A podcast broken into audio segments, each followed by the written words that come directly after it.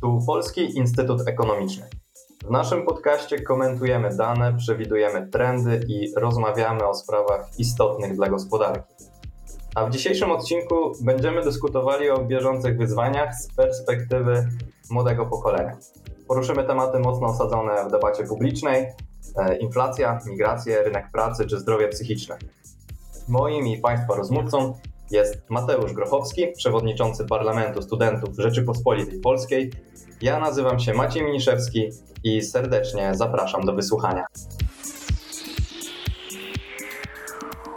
Cześć Mateuszu. Y, może krótko o PSRP na początku, Parlamencie Studentów. W trzech zdaniach. Jak byś to opisał? Cześć wszystkim, dziękuję za zaproszenie. Parlament Studentów to organizacja zrzeszająca wszystkich studentów, wszystkie samorządy studenckie w Polsce i jest to jedyny ustawowy przedstawiciel studentów, który, który dba i walczy zawsze o te prawa studentów, ale też daje możliwości do rozwoju umiejętności, chociażby miękkich. Super. E, mi się szczególnie też ostatnio spodobało, bo miałem przyjemność wysłuchać e, podcastu Środowisko Akademickie, e, takie swoiste porównanie tego, czy PSRP ma coś wspólnego z meteorem. Mógłbyś to przybliżyć jeszcze raz? Mógłbym, mógłbym. No, trochę tak jest, że, że my jesteśmy jak ten meteor, meteor, że wpadamy i robimy trochę zamieszania, ale to zamieszanie powoduje to, że te szkolnictwo wyższe, ale też i sytuacja ludzi młodych na rynku pracy zmienia się. I w przeciwieństwie akurat do meteoru, który może powodować straty, powodujemy to, że następuje rozwój, ale też i poprawa sytuacji tych młodych, e, młodych osób. Jasne, mnie też się bardzo spodobało, jak specjalnie potem jeszcze przeglądałem całą nomenklaturę, że meteor charakteryzuje się tym, że zostawia jakiś ślad i ten ślad z waszej strony niewątpliwie jest widoczny. Powiedz mi, jesteś kibicem piłkarskim? Jestem, jestem. No, grałem 14 lat w piłkę, e, no, trzy, no razy, trzy razy w tygodniu, a nawet e, w ostatnim okresie, e, jak już był schyłek mojej, można powiedzieć, kariery, trenowałem pięć razy w tygodniu, ale też i, i mecze w weekendzie, weekendy, więc dużo mhm. czasu to obserwowało. Bo właśnie ostatnio w kontekście też ostatniego meczu reprezentacyjnego Łukasza Fabiańskiego. On miał swoją wypowiedź w kanale sportowym i tam mówił o tym, jak cenne w byciu bramkarzem jest również korzystanie z pomocy psychologa. E, a niedawno OECD pokazywało e, podczas Międzynarodowego Dnia Zdrowia Psychicznego, które było 10 e, października, że w Stanach Zjednoczonych 40% osób w wieku od 18 do 24 roku życia ma objawy depresji. We Francji jest to co czwarta osoba. Mm, I to ryzyko w dobie pandemii się rzeczywiście pojawiło i wy moim zdaniem bardzo szybko na nie odpowiedzieliście e, w postaci e, waszej akcji Strefa Komfortu PSRP. E, I pierwsza rzecz, czy ten wpływ na zdrowie psychiczne rzeczywiście jest taki znaczny i czy to was właśnie zmotywowało do tego, żeby tak szybko rozpocząć taką akcję? Jakbyś krótko jeszcze o niej opowiedział, jak to się przełoży w ogóle ta trudna sytuacja też psychiczna na głos młodego pokolenia w kolejnych latach? No, na początku trzeba sobie powiedzieć jedną rzecz, że to nie pandemia przyniosła jakieś problemy z, ze zdrowiem psychicznym, tylko my już dużo wcześniej, bo kilka lat, kilka lat temu zaczęliśmy zauważyć, że ten problem jest dość popularny I mm, chcieliśmy na to odpowiedzieć, dlatego powstała strefa komfortu i wsparcie psychologiczne. To, że w tym okresie pandemii obecnie e, zaczął taki, można powiedzieć, duży wzrost, to nie jest tylko i wyłącznie wynik e, tego, że, że zostaliśmy zamknięci, czy zmieniły się formy komunikacji. Oczywiście to miało jakiś wpływ na to, ale przede wszystkim w tym okresie pandemii przez ostatnie półtorej roku nauczyliśmy ludzi dostrzegać te problemy i o nich rozmawiać. I to są te dwie rzeczy kluczowe, dlaczego, jest taki wzrost, bo po prostu depresję e, traktujemy teraz jako jedną z chorób, z którym trzeba się zgłosić do lekarza i to nie jest również powód do wstydu. E, aczkolwiek mówiąc o depresji, nie zapominajmy o tym, że już objawy depresji to nie jest od razu choroba, tylko możemy mieć obniżony chociażby nastrój e, i wiele innych objawów. Y, aczkolwiek te, nawet jedna czy dwie rozmowy z, z psychologiem potrafią, potrafią pomóc. Dokładnie tutaj e, swego czasu wydaliśmy raport Corona Generation e, naszego instytutu, w którym Krzysztof Kutwa wskazywał, że koszty e, tych problemów z zdrowiem psychicznym będą oscylowały wokół 407 miliardów dolarów, więc na całym świecie globalnie. I, i to, co zauważyłeś, jest super, że to nie jest problem, który pojawił się tak nagle i, i, i że w sposób taki, jaki odpowiadacie, e, to odpowiadacie na swego rodzaju trendy, a nie na jakieś też e, nie tylko gwałtowne e, sytuacje. Przybliż może troszeczkę, jak w tej akcji to wyglądało, co tam się działo, do ilu osób może dotarliście, bo moim zdaniem, patrząc jako osoba z zewnątrz, ta akcja była swoistym sukcesem. Zdecydowanie tak. No my na, na, początku mm, zrobiliśmy również y, badanie i zorientowaliśmy się, jak to wygląda wszystko na, na, na uczelniach. E, jak wyglądają punkty wsparcia psychologicznego, a można powiedzieć, że jeszcze przed rozpoczęciem naszej akcji strefy komfortu, to gdzie tych punktów nie ma, bo ich było niewiele stosunkowo w całej Polsce. E, a my dzięki tej akcji uświadamiającej e, po spotkaniach z samorządami studenckimi zaczęliśmy e, przekazywać to informację, że raz, punkty wsparcia psychologicznego są niezwykle ważne, aby powstały na uczelniach i dwa, jak duża to jest skala problemu wśród społeczeństwa. Dzięki temu osoby działające w, na uczelniach, studenci, zaczęli wśród władz uczelni y, walczyć o to, aby takie punkty powstawały, ale też umożliwiać nieodpłatne konsultacje psychologiczne dla swoich studentów. E, I to jest bardzo duży krok do przodu i dostrzegamy, że właśnie dzięki naszej akcji strefy komfortu i wsparcia psychologicznego mm, coraz więcej takich punktów się otwiera. I to jest jedna rzecz, w ramach których my, naszej działalności w strefie komfortu. Drugą to jest to, że my oferujemy bezpłatne również konsultacje psychologiczne, psychologiczne z psychologami, e, które trwają 30, 30 minut, o których można porozmawiać o swoich problemach, ewentualnie też otrzymać e, dalszą, dalszą pomoc. W tym roku e, akademickim mm, i jeszcze w poprzednim e, umożliwiliśmy również e, uczestnictwo w cyklu 10 psychoterapii, co jest też ogromnym, mm, ogromnym takim krokiem. Z tego względu, że i konsultacje same psychologiczne, i sama psychoterapia są niezwykle drogie. Ich cena za godzinę różnie, bo w zależności od regionu stuluje od 80 zł do 200 do 250 za za jedną właśnie wizytę, e, a dla niektórych osób może być to bardzo duża bariera. A jak wiemy, przy ochronie zdrowia i przy takiej e, liczbie e, osób, które cierpią na te mm, problemy psychologiczne, no kolejki również są niezwykle duże. No i właśnie też w kontekście tych cen, tutaj przejdziemy dalej do kolejnych wyzwań, problemów, jakie stoją przed nie tylko młodym pokoleniem, ale inflacja.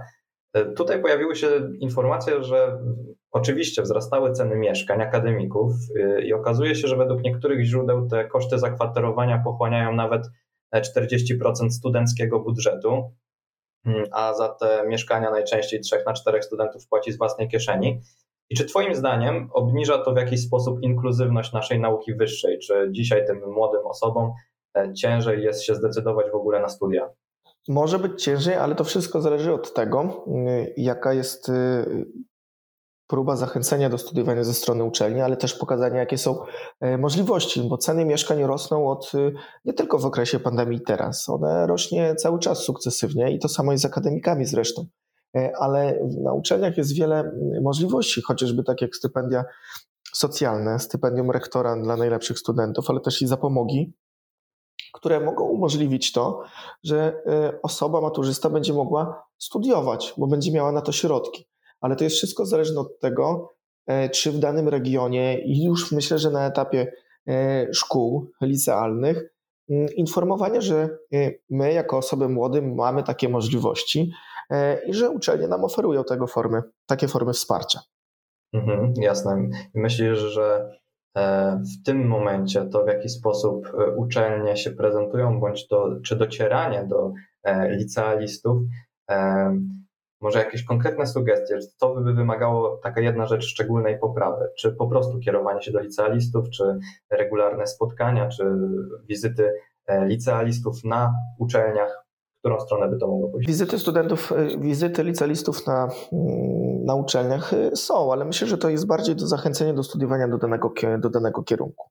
Mhm. I tak samo przychodzenie studentów do, na, na, na lekcje jest po to, by pokazać dany kierunek, ale też zachęcić, żeby przyszli na daną uczelnię. A myślę, mhm. że to mhm. też jest y, duża rola y, nauczycieli po prostu w każdej szkole, żeby informowali y, maturzystów, którzy chcą iść na studia, że mają takie możliwości, bo to jest najprostsza droga do dotarcia. Jeśli już dana osoba przyjdzie na studia, jest studentem danej uczelni, to jest to mniejszy problem z tego względu, że no samo, osoby działające w samorządach studenckich te informacje przekazują i to dość na bieżąco, łącznie z, całą, z całymi regulaminami, co trzeba zrobić, gdzie trzeba zanieść te dokumenty, ale też jakie są stawki. Więc jeżeli chodzi o maturzystów, to myślę, że to duże dotarcie ze strony nauczycieli i to na nich trzeba e, no, przekazać te kompetencje i tą odpowiedzialność, aby informowali tych e, młode osoby. Jasne. E, I w kontekście też zachęcania do studiowania, to być może wbrew pozorom, ale może niekoniecznie też wbrew pozorom, Polska jest unijnym liderem imigracji i przekłada się to również na sytuację polskich uczelni.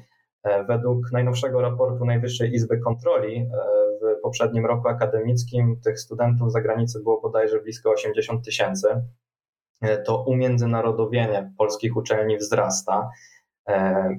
I czy Twoim zdaniem, czy jest to swego rodzaju szansa, czy może wyzwanie przed polskim szkolnictwem wyższym, żeby przyjmować też studentów z zagranicy?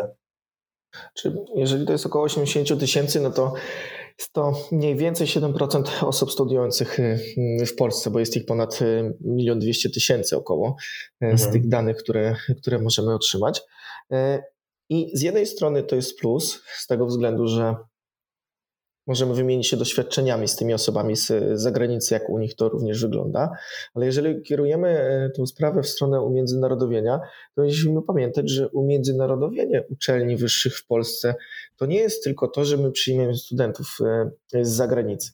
Umiędzynarodowienie ma polegać również na tym, aby studenci, e, którzy są obywatelami Polski, mieli raz możliwości do wyjazdu za granicę i zdobycia tam doświadczenia, ale dwa, co umożliwiło nam ostatnio również pandemia i ten skok e, cyfryzacyjny, to to, że my możemy uczestniczyć w różnego rodzaju zajęciach, i to nawet praktycznych, z profesorami z uczelni zagranicznych. Mhm. I to powinien e, określać poziom e, umiędzynarodowienia. Jasne, to, to jest bardzo trafna uwaga.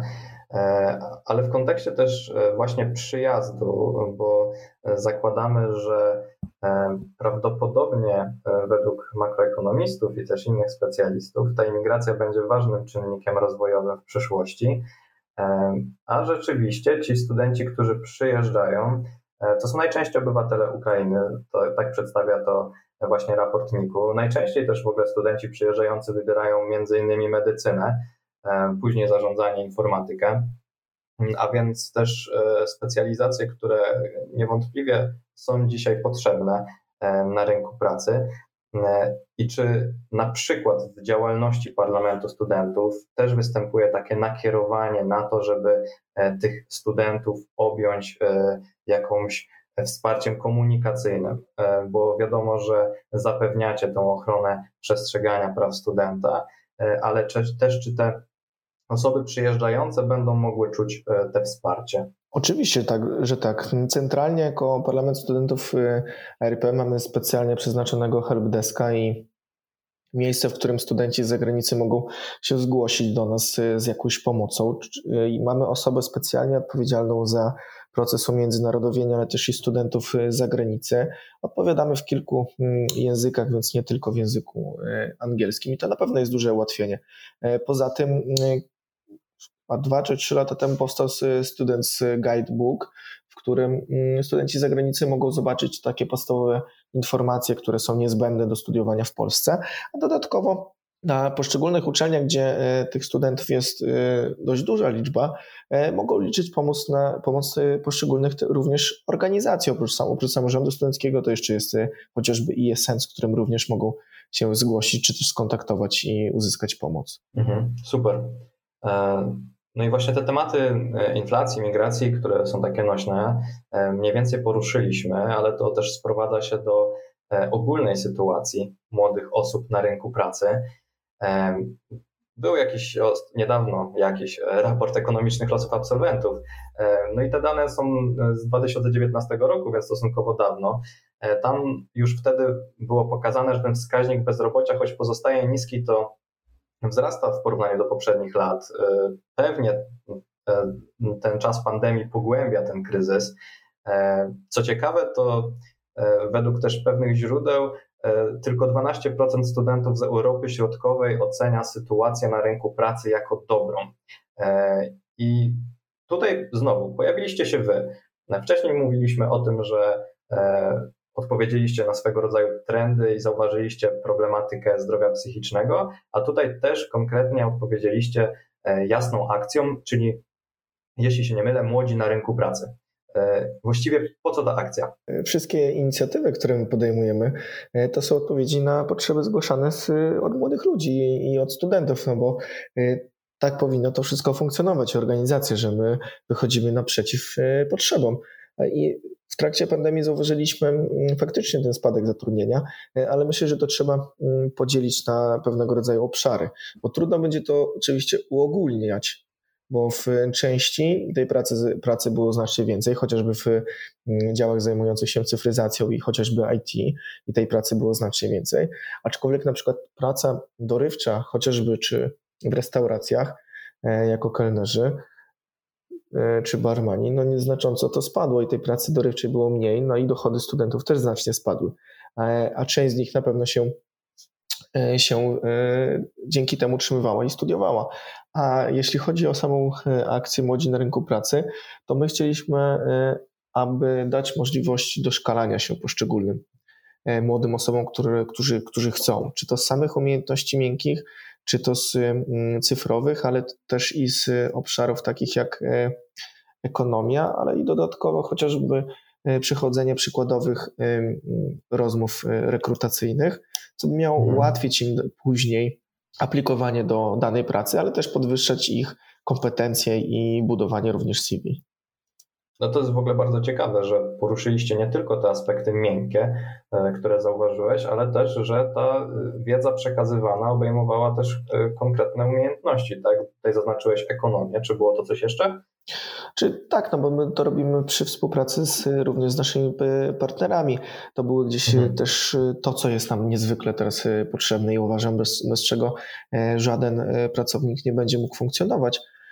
I to jest właśnie ten, ta cyfryzacja i obsługę różnego rodzaju e, nowych technologii. To jest niezwykle ważne, w co powinniśmy również też e, poruszać i kłaść nacisk. To jest w ogóle też kolejna świetna odpowiedź. Tak brzmi, że tylko zachwalam, ale faktycznie jak się prześledzi tę działalność, to ona, to co już zaznaczałem, właśnie odpowiada na te trendy. E, bo też już we wspomnianym e, raporcie, które, e, o którym mówiłem, wskazywaliśmy, że w przeciągu tych następnych 15 lat nowo zatrudnieni pracownicy będą mogli mieć nawet o 4% niższe dochody właśnie w związku z pandemią, więc każda taka kolejna sytuacja, która wzmacnia młodych ludzi na rynku pracy, wydaje się niezwykle potrzebna i, i fajnie, że, że to robicie. I teraz Mati, takie fantazjujmy trochę, e, bo już poruszyliśmy kilka wątków e, ważnych i obecnych w debacie publicznej z perspektywy studenckiej. A co ty, gdybyś miał możliwość wprowadzenia jakiejś zmiany w szkolnictwie, takiej, która by na pewno teraz przeszła, żeby wzmocnić to szkolnictwo? Nie wiem, czy dla ciebie wskaźnikiem będzie to, żeby polskie uczelnie były E, w topce rankingów międzynarodowych, czy w ogóle to jest nam potrzebne do czegokolwiek i to też jest w ogóle ciekawe pytanie, może o tym później. To co byś zaproponował, gdybyś mógł wprowadzić jakąś taką zmianę dzisiaj w szkolnictwie ogólnie, ale może też szczególnie w szkolnictwie wyższym, e, to za co byś się zabrał? Na początku może to nie będzie mm, zmiana, ale to, jak to faktycznie powinno wyglądać.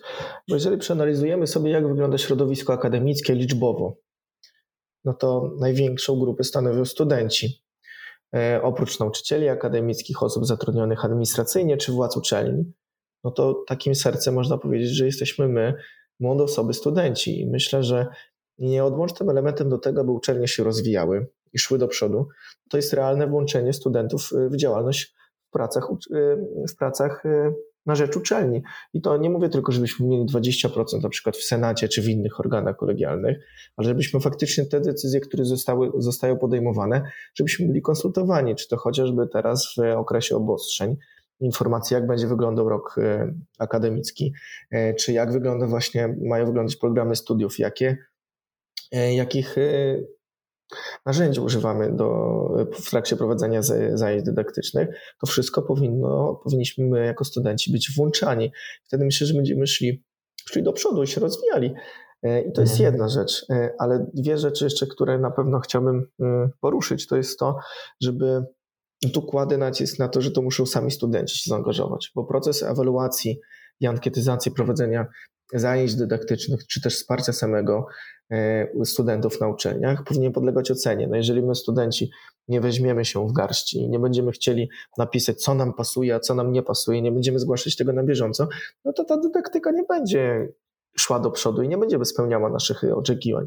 Więc tutaj jest taki apel, że powinniśmy może nie tyle co mniej marudzić, ale marudzić konstruktywnie i, i przekazywać mhm. te, te informacje władzom uczelni. No a druga rzecz to przede wszystkim jest to, żeby angażować studentów w działalność naukową. Działalność mhm. naukową na uczelniach e, i wdrażać je, ich w fajne prace, które będą e, i ogólnopolskie, i międzynarodowe, ale żebyśmy to musieli zrobić, to musi być coraz większe finansowanie na działalność kół naukowych, tworzenie grantów, czy też e, angażowania studentów w, w te kwestie badawcze, mhm. a to musi być chęć ze strony raz, że władz uczelni, e, a dwa ze strony władz samorządowych, czy też rządowych o cały czas zwiększanie finansowania tych badań uczelnianych, ale również włączających studentów w ten proces. A więc z okazji e, Dnia Edukacji Narodowej, to tego będę właśnie e, Tobie i właściwie sobie e, życzył, żeby te zmiany mogły się ziścić. A już tak właśnie gwoli zakończenia, bo ta rozmowa zbliża się niestety nieubłaganie do końca, może jakieś zaproszenia. Co szykujecie w najbliższym czasie jako Parlament Studentów Rzeczpospolitej Polskiej? Jako, jako PSRP w e, najbliższym czasie e, organizujemy e, wiele szkoleń, które mają rozwijać również kompetencje, ale również mają tyczyć się tego, co się dzieje na uczelniach, czyli związanych również z prawami studenta, samą indywidualizacją toku, mm, toku kształcenia, ale też i podnoszeniem tej jakości. Dodatkowo my, my oferujemy szkolenia chociażby również z umiejętności miękkich. Wszystko możemy znaleźć na naszej stronie psrp.pl, a niedługo wielkimi też mm, krokami zbliża się nasz konwent y, przewodniczących, taki wyjazd również y, szkoleniowo, szkoleniowy, połączony z Galą Pro Juvenes. Na Gali Pro Juvenes będziemy nagradzać najlepszych, chociażby najlepszego studenta, naukowca, e, czy najlepszego, najlepszy z obszaru kultury chociażby, czy działal inicjatywy społecznej. To będzie do głosowania również online. Ja zachęcam Was do, e, również do mm, studentów, do mm, aplikowania do tej nagrody e, i życzyć też myślę, że mogę powodzenia. Dodatkowo, jeżeli są jakieś problemy, to zawsze można się do nas zgłosić, czy też do Rzecznika Praw Studenta, który zawsze, zawsze pomoże i stoi na czele tych praw, żeby one były hmm. respektowane. Super. Bardzo dziękuję Ci za rozmowę, za to, że odpowiedziałeś pozytywnie na to zaproszenie. E, było sporo wątków, e, tym bardziej moim zdaniem e, do wszystkich, którzy tutaj dotrwali bądź przewinęli na koniec, to warto wsłuchać się w głos i opinię młodego pokolenia. I moim i Państwa rozmówcą był Mateusz Grochowski, przewodniczący Parlamentu Studentów Rzeczypospolitej Polskiej. E, ja dziękuję bardzo ze swojej strony. Dzięki za tę rozmowę. E, ja nazywam się Maciej Miszewski, a słuchali Państwo podcastu Polskiego Instytutu Ekonomicznego. Zapraszam do słuchania kolejnych odcinków. Dzięki Mati jeszcze raz. Dziękuję serdecznie.